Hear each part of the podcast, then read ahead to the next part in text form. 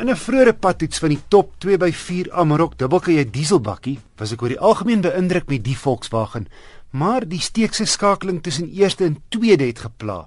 Hakerig wanneer jy vinnig skakel.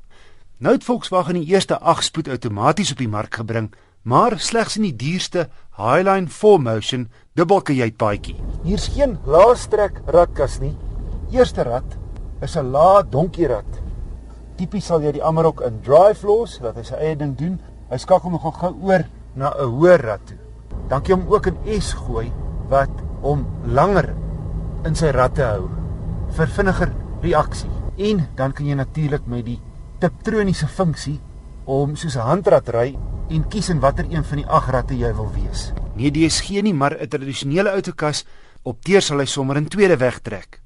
Die radkas gedra hom baie glad in tandem met die 2 liter diesel met sy 2 turbo aanjaars. Die skop 132 kW en 'n gawe 420 Nm uit.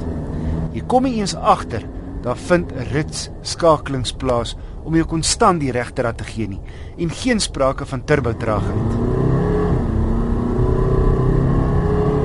Ek was aanvanklik skepties oor sy viertrek vermoëns, maar 'n draai in die boondoes het my verkeerd bewys. Daai kruip eerste rad tesame met permanente viertrek, 'n hoë grondvryhoogte, elektroniese afdraande beheer en grondpad ABS remme maak hom baie kapabel in die veld.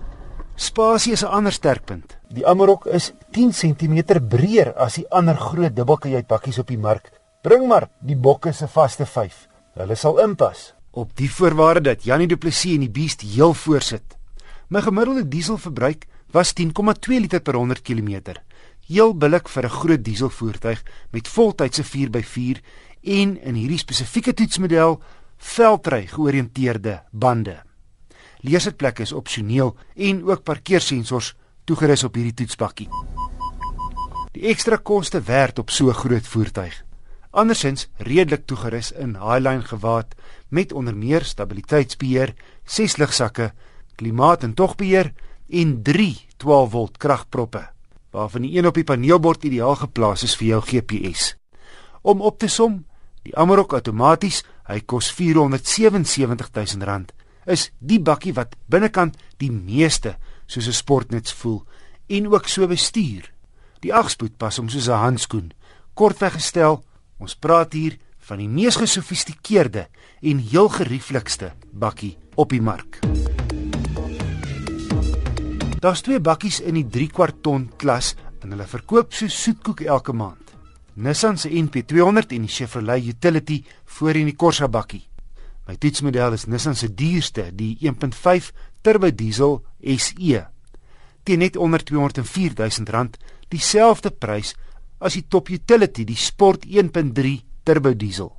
Die NP200 dra se jare goed, aangehelp deur die SE model se nogal robuuste swart beskermingsstroke en misligte en 15 duim alloy wiele. Die kajuit is ruim en 'n bonus is die spasie agter die sitplekke. Die middelste gedeelte van die paneelbord lyk nogal oudtyds en die klein ventilasiekontroles sit ver na onder.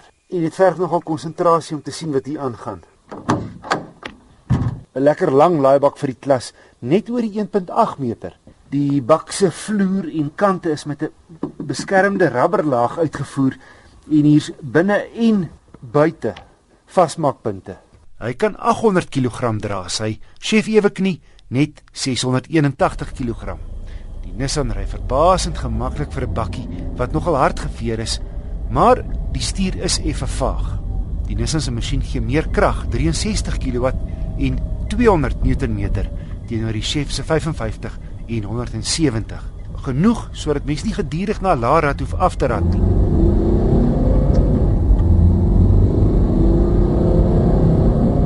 Oor die 800 km is moontlik op die 50 liter tank.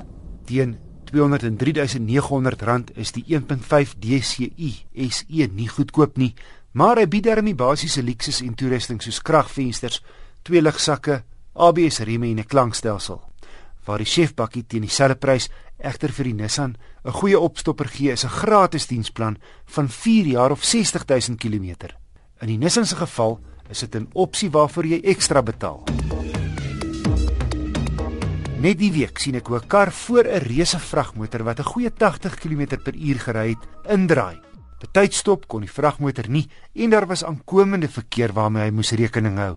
Gelukkig het die bestuurder toe die groot wa in die geelstreep verby die onnoosele bestuurder ingewurm.